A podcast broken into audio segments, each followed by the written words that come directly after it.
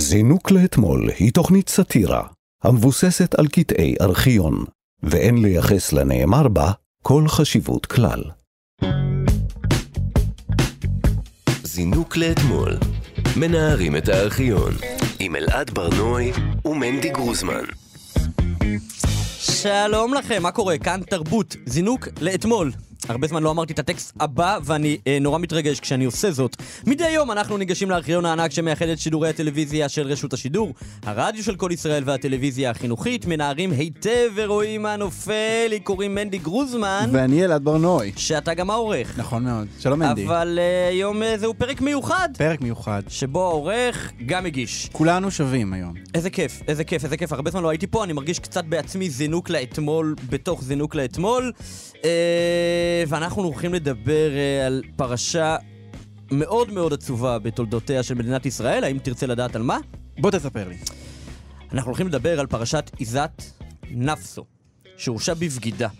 ישב בכלא, ולבסוף שוחרר וזוכה מכל האישומים. טוב, לפחות יש לזה סוף טוב, אנחנו יודעים. כן, סוף טוב, אחרי איזה כמעט עשור שנים. כן, בסוף, טוב, אבל באמצע ובהתחלה היה נורא. אה, נגיד מי בצוות שלנו.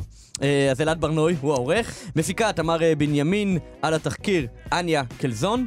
אלונה מיצי על התסריט, והטכנאי שלנו הוא מיכאל אולשוונג. אפשר להזין לנו מתי והיכן שאתם רוצים בהסכת שלנו זינוק לאתמול, שזמין באפליקציה ובאתר כאן, וגם בכל יישומוני ההסכתים, וגם באתר כאן ארכיון, שם תוכלו לראות חלק מקטעי הוידאו שאנחנו משמיעים.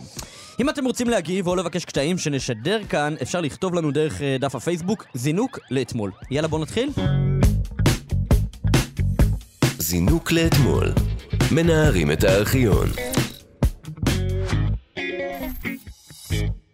טוב, אז uh, מנדי, אנחנו מדברים כאן הרבה בתוכנית על uh, מרגלים, על אנשים שבגדו במדינה, אנשים שפעלו לטובת אינטרס זר. אנשים לא יודעים, אני אמרתי בגדו וסימנתי במרכאות. למה? מה, מה אתה חושב על המ... יש לי תמיד משהו עם המילה בגידה במדינה, נראה לי... זה נראה לי כאילו שחור ולבן מדי, כאילו יש משהו אחד נכון, משהו אחד לא נכון, ואתה או פה או שם. האמת שכן, אה, אה, גם אותי קצת מצחיק העניין בגידה במדינה, כאילו הבעיה היא בגידה במדינה, אז מה אני מתכוון, כן? אה, למשל, אם יש, תהיה עכשיו איזושהי, אתה יודע, לא מלחמה, כן? אבל איזושהי מתיחות מדינית בין, אני יודע מה, בריטניה וצרפת, כן? ואיזשהו אזרח בריטי שיסייע במידע לצרפת.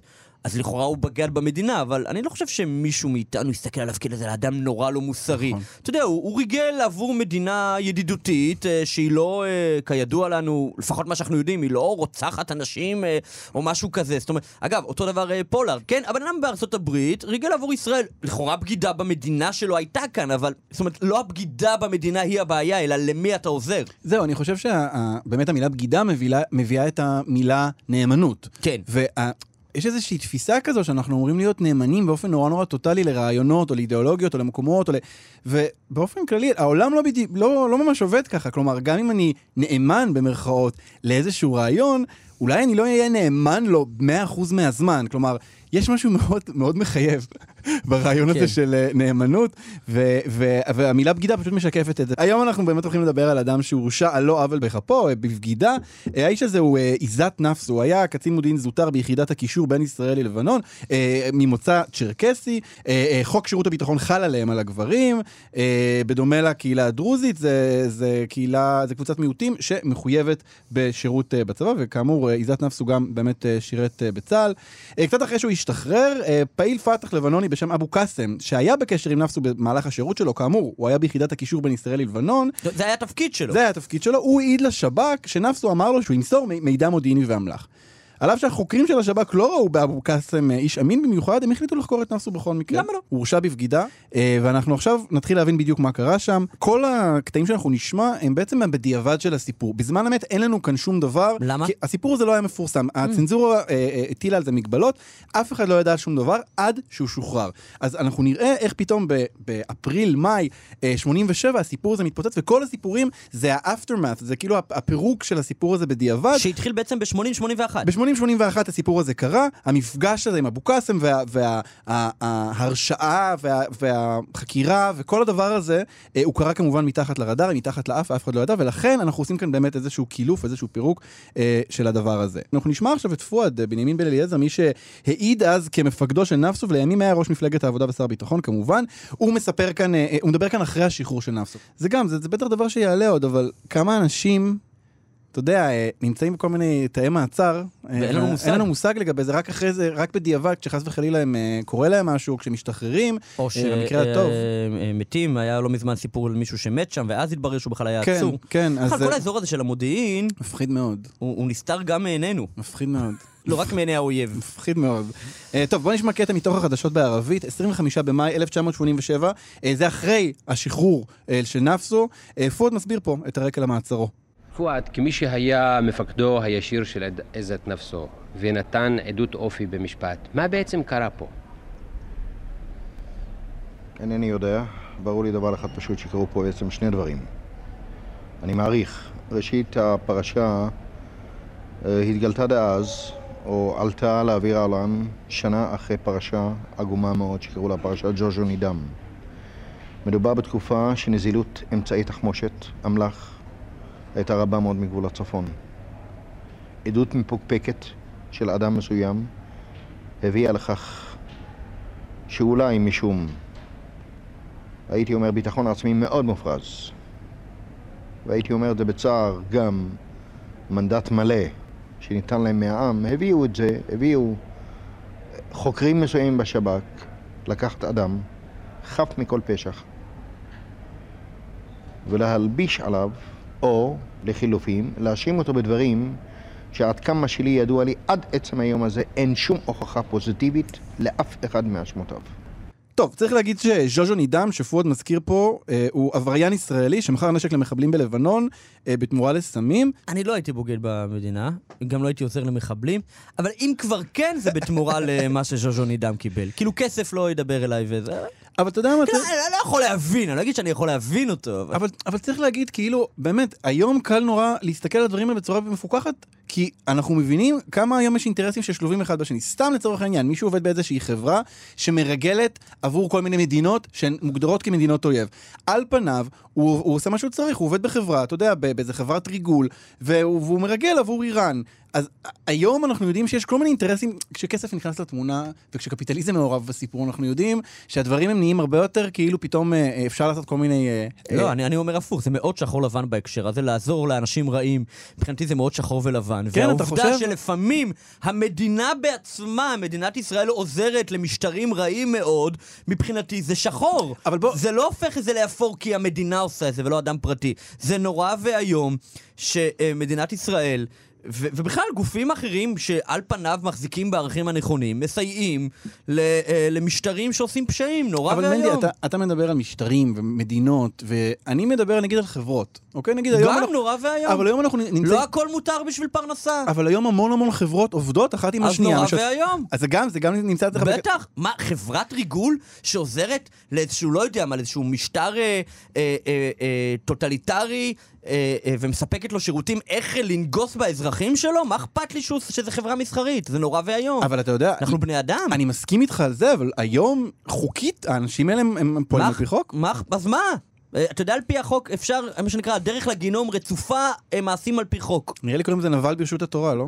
נגיד, כן, יש כל מיני משפטים, והמסקנה היא אחת, לא אכפת לי איך, איך תקרא לזה, מי שעוזר לאדם אחר, לגוף אחר, ל- ל- ל- להרוג, ל- לשפוט, ל- ל- להשליך לכלא, לקחת חירות של אדם אחר בשביל כסף, זה נורא ואיום. אז, טוב, אז באמת אה, אנחנו מבינים שבגלל זה היה איזשהו, זה כאילו התירוץ שלהם. כלומר, התירוץ שלהם היה, תשמעו, היה ג'וז'ו נידם. הם היו מוכי טראומה קצת. כן, אה, וצריך גם להגיד, בואו בוא ננכיח את זה רגע, שהשם ז'וז'ו נידם והשם עיזת נפסו זה לא בדיוק שמות אה, עבריים, צחים, כן. נעימים, לא מחליקים כל כך בגרון. כן, לא היו בצופים כנראה. כן. אגב, ב- ב- בעולם שלי לפחות, זה גם לא מקרה שפואד הוא זה שמתראיין על הדבר הזה ומדבר על זה בכזה כאב. כאילו, יש כאן איזה משהו, אנחנו רואים כאן, זה גם בחדשות בערבית, כלומר, זה איזה מין... אה, סיפור שוליים כזה של אנשי, של אנשי, אני לא חושב שהם אנשי שוליים, אבל הם קצת נדחקו לשוליים, כן. אה, ו- והדבר הזה קורה להם. אז אה, אנחנו עכשיו בדיע- בדיעבד יודעים אה, שב-80-81, כשהוא באמת אה, מתחיל אה, להיחקר אה, עיזת אה, נפסו, אה, הוא לא ביצע את העבירות אה, שהוא ייחסו לו, אבל, אה, וגם בשב"כ לא היה להם שום הוכחה מלבד אותה עדות שפואד אומר, עדות מפוקפקת של אבו קסאם, אבל הם אמרו, רגע, יש לנו פה איזשהו מידע, בוא נוציא ממנו וידוי. איך מוציאים וידוי? אתה יודע, כמו שבשב"כ מוציאים וידויים, אה, השפלות, התעללות, ולחצו אותו לפינה אה, בדרכים לא דרכים, עד שהוא נשבר והודה. שוב אנחנו חוזרים עכשיו ל-87, יום אחרי שהוא שוחרר, אחרי שהתברר העוול שנעשה לו, הוא נתן ראיון אה, לערב חדש בהגשת רפי רשף, 25 במאי 1987, הוא מספר בעצמו על מה שהוא עבר. כמה זמן החזקת מעמד בהשפלות האלה? עכשיו, כל העניין על הלחצים, זה, זה לא לחץ כזה, אחר כך מרפים. זה מערכת לחצים יומיומית, שעה-שעה. אה, גם של למשל מה, השיטה של התשה, שבין חקירה לחקירה, במקום לתת לך לנוח, אה, לישון אה, טיפה, אה, מוציאים אותך החוצה מול הקיר, מעמידים אותך כמו פסל מול הקיר, כל הלילה, כל הלילה אתה עומד באמצע ינואר. אז אה, כמה זמן דבקת בגרסתך אני חף מפשע? עשרה ימים בערך. כן, ואז, מה הייתה הנקודה ששברה אותך? זה לא נקודה מסוימת, אתה מגיע על סף, אה, זה, לא, לחץ על גבי לחץ, ולחצים, ואיומים, יום אחרי יום, יום אחרי יום, יום אחרי יום, אתה מגיע למצב כזה, זהו, אני מרגיש שאני לא יכול. יואו. זה מטורף לשמוע אותו אה, בקולו יום אחרי שהוא יוצא מ- מהכלא, אחרי שבע שנים וחצי שהוא יושב בכלא. ולא ידעו על זה אפילו. והוא יודע כל הזמן הזה, זה הדבר הכי נורא, אתה יודע מה, לפחות אדם שיושב בכלא, אני חושב שכליאה זה פתרון נוראי. אבל לפחות אדם שעשה משהו והוא יודע שהוא עשה את זה, הוא יודע למה הוא נכנס לכלא, גם אם הוא לא מסכים עם, ה, עם, ה, עם גזר הדין, אבל כשאדם יושב והוא יודע שהוא סתם יושב שם, איזה נוראי זה. יותר מזה, אני הולך לזה עוד צעד, אה, עוד צעד קדימה, אתה יודע, אה, אה, לא שזה קל, אבל אדם שיושב בכלא על, על עוול שהוא לא עשה, והוא יודע שלפחות יודעים את זה בחוץ, ויש אנשים שמנסים לעזור לו, אז אוקיי, יש לו איזה אה, קרן אור, אבל פה איזה בן אדם שיושב בכלא על פשע שהוא לא עשה, והוא יודע בעודו יושב בכלא שאיש בחוץ לא יודע, זאת אומרת, כאילו אין שום- אותו, אין אותו. אין אין. אותו בעולם. הוא לא קיים. יואו. איזה, איזה מחשבה מוזרה זו, זה כאילו אי אפשר לדמיין את זה, אני לא מסוגל לדמיין את זה, אמ, שיש לשב"כ את הכלים לגרום לך להודות בדברים שלא עשית. כלומר, לא משנה מה, אתה, אתה, כל אחד מאיתנו, יכולים לקחת אותו עכשיו, לענות אותו, ול- ולגרום, לא, לענות אותך חס וחלילה, ולגרום לך להודות בכל דבר בעולם. זה פשוט דבר נורא. כל דבר. אם אני נכנס לשם, שנייה וחצי. אני נופל, אני באמת הכי קל שהיה להם אי פעם בתולדות השירות. מעניין אותי לשמוע מה- על מה תתוודא. על מה שהם יגידו. על מה שהם יגידו. הם יגידו לי לעמוד, הם לא ייתנו לי לישון יותר מ- יותר מ-24 שעות. אני הכל. ברצח- ארלוזורוב אתה תודה. רצח ארלוזורוב זה החטא הכי גדול שמצאת? רצח אלעזר, לא יודעים מי עשה את זה. כל מיני דברים, הכל מה שצריך. גם דברים שאנשים שיודעים מי עשה את זה, אני אגיד שאני בעצם עשיתי זה, הכל. אה, טוב, בוא נשמע עוד קטע מהרעיון הזה אצל רפי רשף. שלב מסוים בחקירה הגעתי למצב כזה, ש... אני קיללתי את עצמי שאני לא אשם. כי אם הייתי אשם יכולתי לפחות לספר להם משהו. אני לא אשם, אני, אני לא יודע מה הם רוצים ממני, אני, אני מת, אני, אני רוצה לתת להם משהו כדי לרצות אותם. רק לרצות אותם. ולא היה לי, ואני קיללתי את עצמי שאני לא אשם. עד כדי כך. קיללתי את עצמי, אלוהים, שאני לא אשם. אלעד, אפשר שנייה לדבר על כל הנושא הזה של התעללות ועינויים בחקירה? יאללה. אה, לא יודע, זה מחזיר אותי, ראית את אה, 24? הסדרה 24? כן, כן, ראית? בטח. היית מהמכורים כזה? את ראית- העונות הראשונות ממש ראיתי באובססיה. ואת האחר... לא ראית הכל. ראיתי נראה לי שלוש עונות. לא, אז אתה לא מהמכורים ממש. אני, אני מדבר על... אני ראיתי את כל העונות, אה, ראיתי את כולם כמה פעמים. אה, זה גם, יש לי איזה חדוות נעורים בזה, כי אתה יודע, אני לא גדלתי על טלוויזיה. אה, ואיפשהו באזורי סוף אה, גיל 18-19, אתה יודע, היה לי מחשב, אה, הייתי מוריד סדרות, דרך, הייתי עובר ליד בתים, מחפש וי-פיי שאין לו סיסמה, ומוריד סדרות, ואז חוזר לחדר וואו. לראות. אז זאת אחת, זה והחיים זה לא הכל, פחות או יותר, זה הסדרות הראשונות שראיתי, אין קשר. ממש, מאוד אבל אקראי. במקרה, זה מה שרצה, זה- וזה יש לי איזה, אתה יודע, גרסא דיאנקותא כזה, דבגרוטה, אז כאילו, אני קצת, יש לי. כזה. קיצור, אז שם ב-24, כל הזמן המתח הוא בין ג'ק באואר, הגיבור, שמגלם אותו קיפר סאת'רלנד. בדיוק, כמו שאמרת, אה, והוא, אה, אה, והוא באמת, כאילו כל הזמן, הוא סוכן שלא נשמע לחוקים, והוא עושה תמיד התעללות ומציל את אמריקה, כי הוא מתעלל ומוציא מהפצצה המתקתק- מתקתקת את המידע על הפצצה שעוד רגע, ויש את ה... כל הזמן את הבוסים שלו שאומרים לו, יש מינהל, טה טה טה טה טה. אגב, סוגריים, אה, בעונה השביעית, אה, אה, זאת אומרת, הסדרה הולכת לכיוון אחר. זאת אומרת, קיפר עצמו, ג'ק באואר עצמו קצת מתחיל להרהר האם זה טוב מה שהוא עושה. Mm. והוא אומר שהמשפט מדהים, הוא אומר, האנשים שכתבו את החוקה היו אנשים מאוד חכמים, כנראה שהם הבינו משהו. אה, ולמה זה, אגב, כ- כמעריץ של הסדרה, קראתי, אתה יודע, את כל ה- מה שנכתב מסביב, זה שהיה איזשהו מחקר, שים לב, שחיילים בעיראק, זה היה אז, אה, חיילים בעיראק אה, הרשו לעצמם להתעלל בשבויים כתוצאה ישירה מצפייה בסדרה, וואו. ולכן הפנטגון ביקש מיוצרי הסד- הסדרה לקראת העונה השביעית להכניס שם ספקות. מדהים מה שטלוויזיה עושה זה לנו. אה, מטורף בעיניי, מההתחלה עד הסוף כל מה שאמרת עכשיו, כן. זה שהפנטגון ביקש מהם ל- להתערב ולהחדיר את זה בצורה שתתאים להם למה ש... וואו, כאילו זה כאילו נשמע טוב, כי הפנטגון ביקש מהם לעשות משהו חיובי סך הכל, אבל עצם זה שהפנטגון מתערב באיזה תכנים... לא, מבקש, לא מתערב. וואו. לא. זה, הוא- כן. לא, לא, הוא הסביר להם, הוא אמר להם, רבותיי, יש לכם השלכות למה שאתם עושים. כן. תנסו קצת אה, ל- להשמיע כן, עוד קצת, כיוון. אה, קצת אה, תשכנעו את האנשים להיות נאמנים לאמריקה גם. לא, להיות נאמנים אני מבין, אני כאילו- מבין, אבל אבל עצם זה שהפנטגון מתערב זה זה מטורף בעיניי. אז לכן זאת שאלה, כי מצד אחד אם יש לך פה מחבל, כן? שאתה יודע שהוא מחבל, ואתה יודע שיש לו מידע שאם הוא תוציא אותו ממנו, הוא, הוא, הוא יצא ו... אה, ותציל אלפים. תציל בן אדם אחד, ואתה יודע שבאמצעות עינויים, סליחה, בן אדם הזה יש לו מידע שיכול להציל, הוא לא נותן, מבחינתי הוא רוצח. עצם זה שהוא לא, גם אם הוא לא הרוצח, אבל עצם זה שיש לו מידע שיכול להציל והוא לא נותן, הוא שותף לרצח. כן, אני אין לי שום בעיה עם לעשות לו מה שצריך כדי להציל אנשים אחרים חפים מפשע. מה שצריך, כולל הכל, כולל הכל, כולל הכל. אבל פה מדובר על מישהו ששום מידע עליו. עזוב שזה מעשה עבר, כן, אין פה, ברור שאין לו מידע שיכול להציל. זה, אם כן, אולי הוא עשה משהו ש- שגרם נזק, אבל כבר לא יכול להציל, ובעיקר שלא יודעים אם זה נכון, מה אתם מהנים. אבל מה הסיפור? שאם אתה כבר, אתה יודע, זה נעשה לך כהרגל, אתה יודע, יש כזה דבר ש, אה, שזה כבר נעשה, נעשה לך כהרגל, אין מה לעשות. אם בהתחלה אתה מפעיל עינויים לטובת מטרה טובה, הגבול מאוד דק. זה בדיוק מה שרציתי להגיד, אתה, אתה אומר עינויים למע- למען מטרה טובה. לא, אין דבר כזה, זה או שכן או שלא. כלומר, בדיוק בשביל הדברים האלה. בדיוק, קודם כל, אני, אני נגד עינויים. מה זאת אומרת? נגד עינויים. אני נגד הרעיון שמותר לענות בני אדם. אני חושב שזה לא מוסרי. לא מוסרי. לא, לא מוסרי. לא משנה מה. לא מוסרי. ולו רק בשביל הבדל סיכוי הקטן הזה, א', שיש פה טעות, כמו שהיה כאן למשל. הבן אדם הזה עבר עינויים, הוא לא עשה שום דבר, אוקיי? אני בטוח שזה לא המקרה היחיד שקרה. אז זה באופן כללי, אני נגד... לא, עזבי את זה, גם בוא לא נכניס אנשים לכלא, כי אולי יהיה טעות ונכניס מישהו חף מפשע. לא, אני בעד, אני, אני מאמין, נגיד, בשיטות, בשיטות שהחלטנו עליהן, שהן בסדר, שהן חוקיות. זה אומר לא לפגוע ב, בגוף האדם. זה אומר לא לפגוע בחיי אדם. זה אומר לא לפגוע בנפש של האדם, לא להתעלל בו.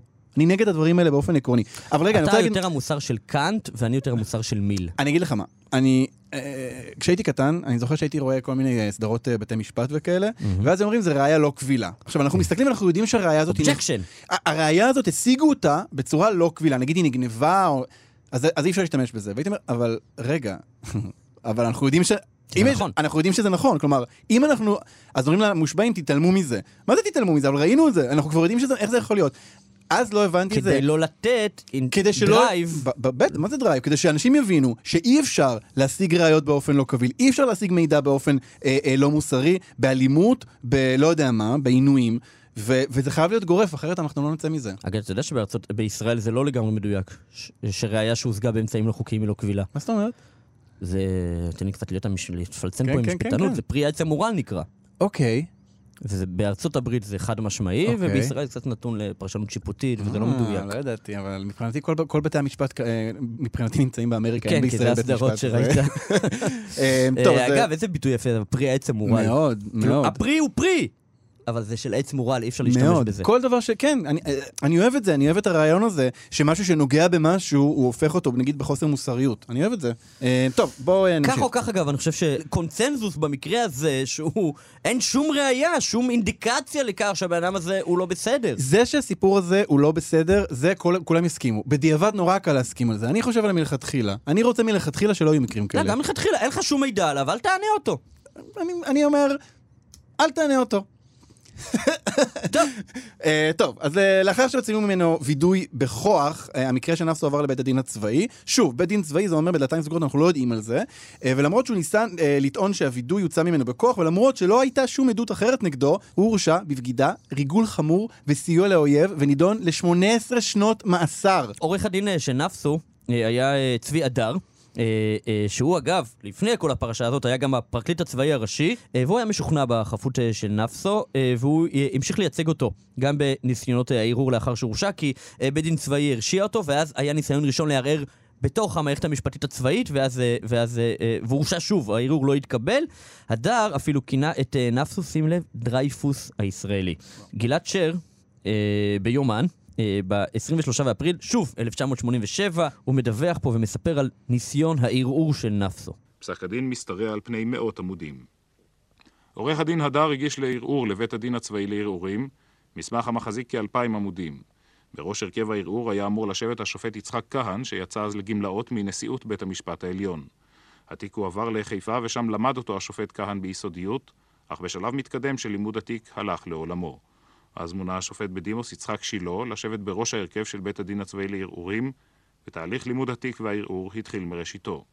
בכך מוסבר פרק הזמן הארוך שעבר מאז גזר הדין בשנת 82 ועד לסיום הליכי הערעור בצה"ל לפני תשעה חודשים. אלפיים עמודים. אתה קולט? אלפיים עמודים, אה, אנשים צריכים לקרוא ולהבין כדי להכריע על חירותו של אדם, כאילו, והוא מסביר למה כל פעם הדברים לקחו המון זמן, כי היה צריך לקרוא את כל הדברים האלה. זה כאילו, אלה הסיוטים של עולם המשפטים, כאילו כל דבר כזה, כל כך, אה, אתה יודע, מטביעים אחד את השני בניירת. כדי להצליח בכלל לדבר על משהו. כן, טוב, לי זה מזכיר סתם, אה, מהזמן האחרון, אה, ועדת החקירה הממלכתית אל אסון מירון החלה תפקידה בראשות אה, מרים נאור, אה, ואז היא הלכה לעולמה באמצע, זכרה לברכה, ממש אה, באמצע דיוני הוועדה.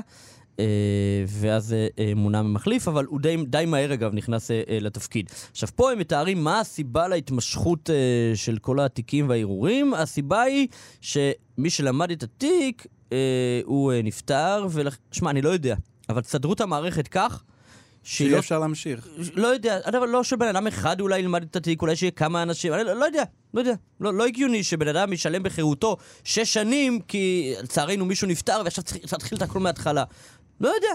עכשיו, אתה יודע מה, מבחינתי, אם מישהו נפטר, מי אמר? למה, למה כל עוד אתם לא התארגנתם על עצמכם?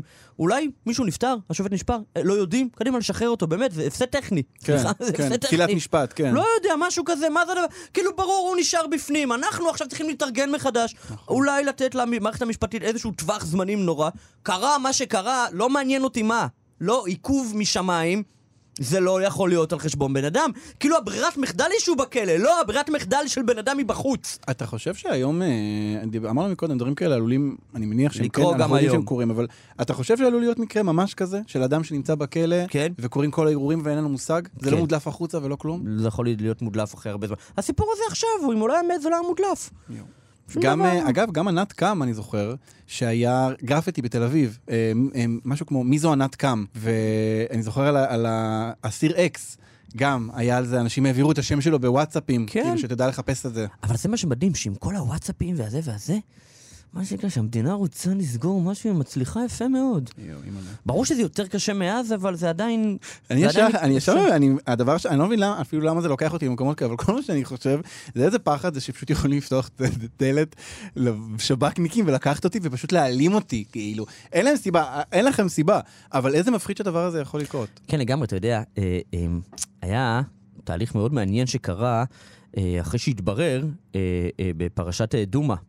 כן? שזה אה, לכאורה עמירם בן, אה, בן אוליאל, שנשפט אה, אה, אה, שריפת הבית ורצח וכולי, אה, אבל היה אה, נחקר אחר בפרשה, קטין כמדומני, שבית המשפט עצמו, עצמו קבע שההודעה נלקחה ממנו אה, בינויים והיא לא קבילה. והוא שוחרר באמת. אה, או לפחות אה, אה, דרגת העונש, אה, העבירה ש, שבה הוא הואשם אה, הופחתה. אה, ואז פתאום הציבור המתיישבי, המתנחלי, הימני, פתאום אמר, רגע, עינויים זה לא דבר טוב. ומעצר מינהלי זה לא דבר טוב. וזה לא דבר זה. טוב. עכשיו, ואז שמעת קולות, אני שמעתי קולות גם, אתה יודע, בקרב ההגונים, אה, שבקרב המחנות, אתה יודע, שהם לא אופוזיציה בלבד, הם אמרו, כן, אנחנו פתאום חושבים, כאילו, פתאום שזה, כן, פתאום, פתאום, זה, עד שזה לא פוגע בציבור שלך, או משהו קרוב אליך, אתה לא, כן, מה קורה, מחבלים, צריך לעצור, כן, אבל מי אתה יודע שהוא מחבל? כן. הרי השב"כ יכול לעצור ערבי מ, אה, מהשטחים, ולומר, הוא מחבל, מעצר מינהלי. אבל ברגע שאתה נותן לשב"כ כוח להחזיק אדם בלי הוכחה ודאית, זה, אתה יודע, היום הם השתמשו בזה לטובה, מחר לך תדע. פחד אלוהים, כן, פחד אלוהים. פחד אלוקים. אלוקים. אתה צודק לגבי הפחד, זה פחד אלוקי, ולא סליחה, פחד אלוהים. פחד אלוקים. טוב, אז ב-1987 אנחנו uh, כבר נכנסים uh, עמוק לתוך תקופת המאסר של נפסו. Uh, שונה uh, חוק השיפוט הצבאי, כך שהותר לערער לבית המשפט העליון על פסקי דין של בית הדין הצבאי לערעורים. זאת אומרת, אם החוק הזה לא היה משונה, הוא היה 18 שנה בכלא. כן. 18 שנה. בכלא, תחשוב. מטורף. זאת אומרת, כי, לכאורה הוא בתוך המערכת המשפטית הצבאית, היא הייתה עד אז, מבחינה חוקית, מערכת נפרדת לחלוטין. אם ערערת, זהו, נגמר, אי אפשר לערער לנצח. אבל אז פתאום שונה החוק, בלי קשר אליו. כי הסיפור בכלל לא היה ידוע, שונה, מה שנקרא, יצא לו טוב, יצא לו נס. ממש. שונה החוק שהמערכת המשפטית, אם ערערת בה ועדיין אה, אתה אה, מורשע, אפשר ללכת, בית המשפט העליון, לערער גם על בית המשפט הצבאי. אה, ואז ערערו שוב. אז באמת הם אה, אה, ניצלו את זה, צבי הדר הפרקליט ונפסו, לערער כדי לטעון עכשיו באמת מול בית משפט אזרחי. אה, עכשיו, הדבר הזה קורה קצת אחרי פרשת קו 300. השב"כ נמצא לא בתקופה מדהימה. כן. אה, הוא לא נראה טוב בעיני הציבור, אה, והשב"כ גם לא אהב את זה, את, ה, את הרעיון הזה, שעכשיו הסיפור של נפסו עלול להתפוצץ להם בפרצוף. בואו נשמע דיווח מהבוקר הזה, 23 באפריל 1987, על איום מאוד מטריד של השב"כ בעניין פרשת נפסו. שבע ושבע דקות הבוקר הזה, שירות הביטחון הכללי משיב מלחמה שערה, ראשי השב"כ מאיימים להפסיק לחקור חשודים ביטחוניים אם לא תתקבל עמדתם בפרשת הקצין לשעבר נפסו. בהתייעצויות שהיו בימים האחרונים הם דרשו חד משמעית כי המדינה לא תסכים בבית המשפט העליון לפתיחת שאלת קבילות הראיות שהציג בשעתו השב"כ לפני בית הדין הצבאי המיוחד. בית הדין הזה הרשיע את נפסו בעבירות של ריגול, העברת אמצעי לחימה לאויב ובגידה, ועל פי החוק הצבאי היה רשאי לגזור עליו מיתה. טוב, תקשיב, אנחנו שומעים פה בעצם שראשי השב"כ אומרים אה, למדינה, מדינה בעצם שהיא אה, אמורה להגן אה, בתיק הזה, להגן על ההרשעה, והם אומרים לה, אם את תסכימי לפתוח מחדש את כל נושא קבילות הראיות, בעצם להעמיד אותנו לדיון, ציבורי לפחות, אנחנו נפסיק לחקור חשודים ביטחוניים. עכשיו תקשיב מה אני אומר לך, ואני אה, ממש מתכוון לזה, זה לא בגוזמה ולא ב, אה, בהגזמה. אה, על משפט כזה, יושבים בכלא. מה זאת אומרת, אתה ראש השב"כ, אתה מראשי השב"כ, אתה בא ואומר למדינה, אם לא תקבלו, אני אפסיק לעשות את העבודה שלי? לך הביתה, נשמה! מה זה זה? הכרזה זה? על אנרכיה, כאילו, זה לבוא ולהגיד. זה לבוא ולהגיד, אנחנו קובעים, אנחנו, אה, אתה יודע, אומרים מדינת משטרה, מדינת שב"כ, אנחנו קובעים את הכל. הזיה. ועוד אומרים את זה, אתה יודע, באופן רשמי, הם לא מכחישים כאן. כן, כאילו, ואתה יודע, גם זה דיווח, זה דיווח בחדשות, כן, כן. הכל בסדר, הם כאילו. מאיימים. טוב, אז למרות האיום הזה, בית המשפט העליון כן שמע את טענותיו של נפסו, אה, תודה לאל, יש בית משפט בישראל. הנה דיווח של אליעזר יערי מחדשות הלילה, 24 במאי 1987, על הפסיקה בדבר גורלו של עיזת נפסו. הקצין הצ'רקסי עיזת נפסו הוא מהערב אדם חופשי. עיזת נפסו הורשע בעבר בשתי ערכאות ובבתי הדין הצבאיים בבגידה ובריגול חמור ונדון ל-18 שנות מאסר. בית המשפט העליון בשבתו כבית משפט לערעורים פליליים ביטל הערב את שני פסקי הדין. על פי עסקת טיעון עם בית המשפט הודה נפסו בחריגה מסמכות, הורשע ונדון לשנתיים מאסר והורדה לדרגת רב סמל. חריגה מסמכות. חריגה מסמכות. הדבר הזה, כמעט יותר מכל הסיפור הזה, משגע אותי. קודם כל, זה כאילו הקטנוניות הזאת של כזה, אתה יודע מה? אין בעיה. אבל תודה שאתה חרגת מסמכותך. ו- וכאילו, באמת, בן אדם יושב בכלא עכשיו כל כך הרבה זמן, אוקיי? כי ה- החריגה מסמכות, כאילו אומרים, אה, זה דבר שאתה יכול לקבל עליו גם עונש מאסר, כן? כן. אבל הבן אדם ישב כל כך הרבה זמן, הוא ריצה עונש פי מאה. הבדיעבד הזה של לבוא ולהגיד, אתה היית לא בסדר, זה מחרפן אותי. לא, וגם גם זה לא שהוא הורשע בזה, כן? זה לא שנמצאה הוכחה על החגירה, חריגה מסמכות, מה זה אומר בכלל? כן, זה לא שנמצאה הוכחה, אלא מה, הוא הודה במסגרת הסדר טיעון, כי אם השב"כ והמדינה לא יכולים לרדת... תשמע, אגו? יותר ויותר... בדיוק. אגו זה דבר מטומטם. בדיוק. בד... אגו זה דבר מטומטם, זה התעקשות של אנשים לצאת מטומטמים. עשית טעות, תרד מהעץ, תצא, תצא כבר יותר חכם. לא, הוא מתעקש. כן, אז אה, טוב, אז אמרנו, את עונש המאסר של שנתיים שכן נגזר עליו הוא כבר ריצה, הוא ריצה יותר מזה, אה, ולכן כבר למחרת הוא הגיע... פיצוי אולי עלה כמה שנים? קיבל משהו? הוא קיבל פיצוי. הוא מה? קיבל פיצוי אה, אחרי אה, עסקת טיעון וכל הדבר הזה, הוא קיבל פיצוי שמוערך במיליון שקלים. אה, אני אגב חושב שעל אה, על כזה עוול היו גם אה, יותר. פיצויים הרבה יותר גדולים. צריך- איך בכלל מעריכים אה, כמה שנים בחיים של בן אדם? שבע כן. שנים וחצי. בכל מקרה, כבר למחרת הוא חזר לביתו בכפר קמא. הנה דיווח של מוטי עדן ממבט, 25 במאי 1987, על החגיגות לכבוד שובו של עיזת נפסו.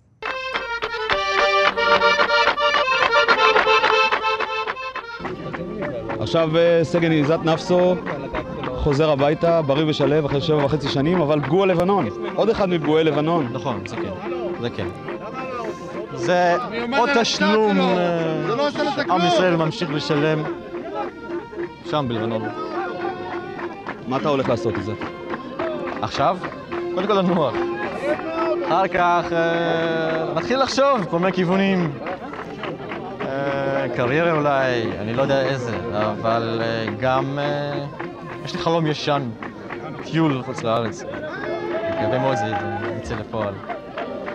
איזה בן אדם כובש. כן, הוא חמוד רצח. פשוט וגם, אתה יודע, כאילו- לא מלא זעם. בדיוק, זה בדיוק, זה, אני ממש. מסכים, כאילו הוא נשמע, הוא נשמע, טוב, אני- נדפקתי, אבל יאללה, נתקדם כזה. יש בזה? משהו טרגי כמעט, כאילו שהוא מחוייך, אפילו, כאילו אחרי כל הדבר, אני הייתי יוצא, הייתי כל כך כועס, אני הייתי מבלה את שאר החיים שלי במחשבה מה היה אם, מה, לאן הייתי מגיע. ולנקום, ולנקום, ולא יודע מה לעשות. שמע, אני מקווה שהוא קיבל אז פרוספקט מהקרן והיחידה להכוונת אזרחים משוחררים ממשרד הביטחון, כזה.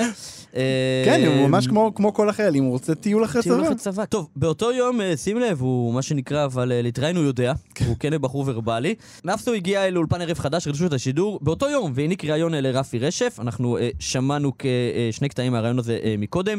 בואו נשמע עכשיו עוד קטע, בו עיזת נפסו מסביר איך הוא המשיך להילחם לאור- לאורך כל השנים בהן הוא היה בכלא.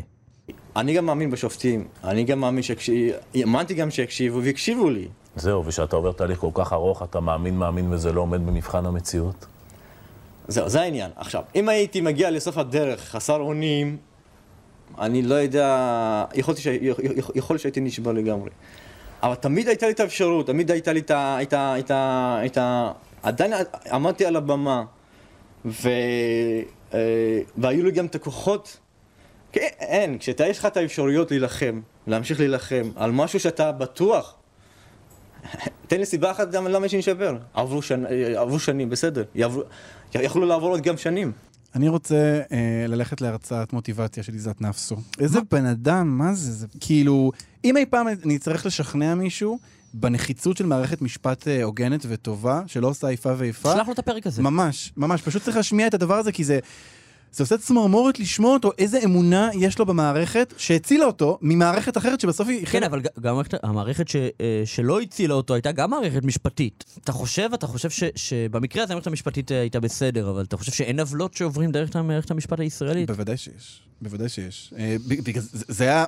זה היה רעיון של ריבוי, כלומר, הרעיון שיהיו כמה מערכות, וזה-. ולאף אחד לא יחזיק את כל הכוח. זה היה היופי שהשב"כ לא יכול פשוט להכריז, אנחנו כן. מפסיקים, כאילו, זה היה- זה היופי בלהיות ב... אתה יודע, כל פעם שהם מדברים על מערכת המשפט ומערערים וזה, ואני אומר, כאילו, אם שישמור, באמת, בג"ץ, בית משפט עליון, כל הדברים האלה, אין, אנחנו, זה זה הצלת חיים הדבר הזה. אני כאילו. אומר לך משהו, אנחנו כולנו מייחלים, בעזרת השם, לגאולה השלמה, שאז לא יצטרכו מדינה, וכולם, וכך זה עם כבש, וזה יהיה מתוך אה, רצון אה, וכולי. אבל כל אנחנו בגלות לצערנו, אז אין מה לעשות, צריך מדינה, אבל צריך לזכור שהמדינה הזאת היא, אתה יודע, היא צריכה, היא צריכה, מה שנקרא, מי שישמור על השומרים, צריך לשמור על השומרים. אני רוצה להעלות אה, סוגיה שעולה כאן הרבה בתוכנית. אה, מה, על, הגאולה אה, השלמה? כן, כן, העניין... אמ, הסוגיה אמ, שהיא דמויות שאנחנו מעלים פה, חוזרים אליהן בתוכנית, והיו יכולות להיות אה, כוכבות ריאליטי ממש טובות. תחשוב מה זה, הבן אדם הזה הוא סופרסטאר. וואו. סופרסטאר, כובש, באמת, גם, אה, באמת, כנסו לאתר של כאן ארכיון, תראו את הקטעי וידאו שלו, הוא אין, אי אפשר להפסיק להסתכל על הבן אדם הזה. זה, זה משהו, וכאילו, מעניין, מעניין שהוא לא הפך להיות איזה מין דמות ש... הש- זה לא שם שכולם מכירים. תשמע, הריני להציע לך, בשם רבים בציבור, שמבקשים, שזנוק לאתמול גם יעשו איזושהי תוכנית ריאליטי עם כוכבי עבר. אה, נשמע לי מעולה. ואתה תהיה האח הגדול. כן. עיזת, איך אתה מרגיש? זה עשה לך פלשבקים? טוב, נשמע לי שיש לנו פה אה, פורמט מנצח.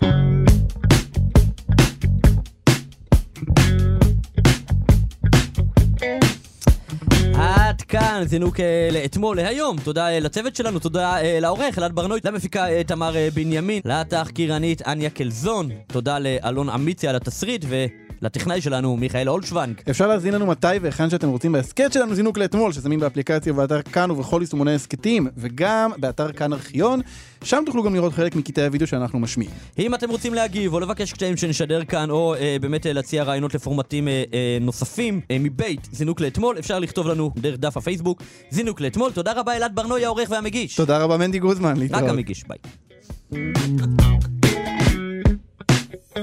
זינוק לאתמול. Thank you.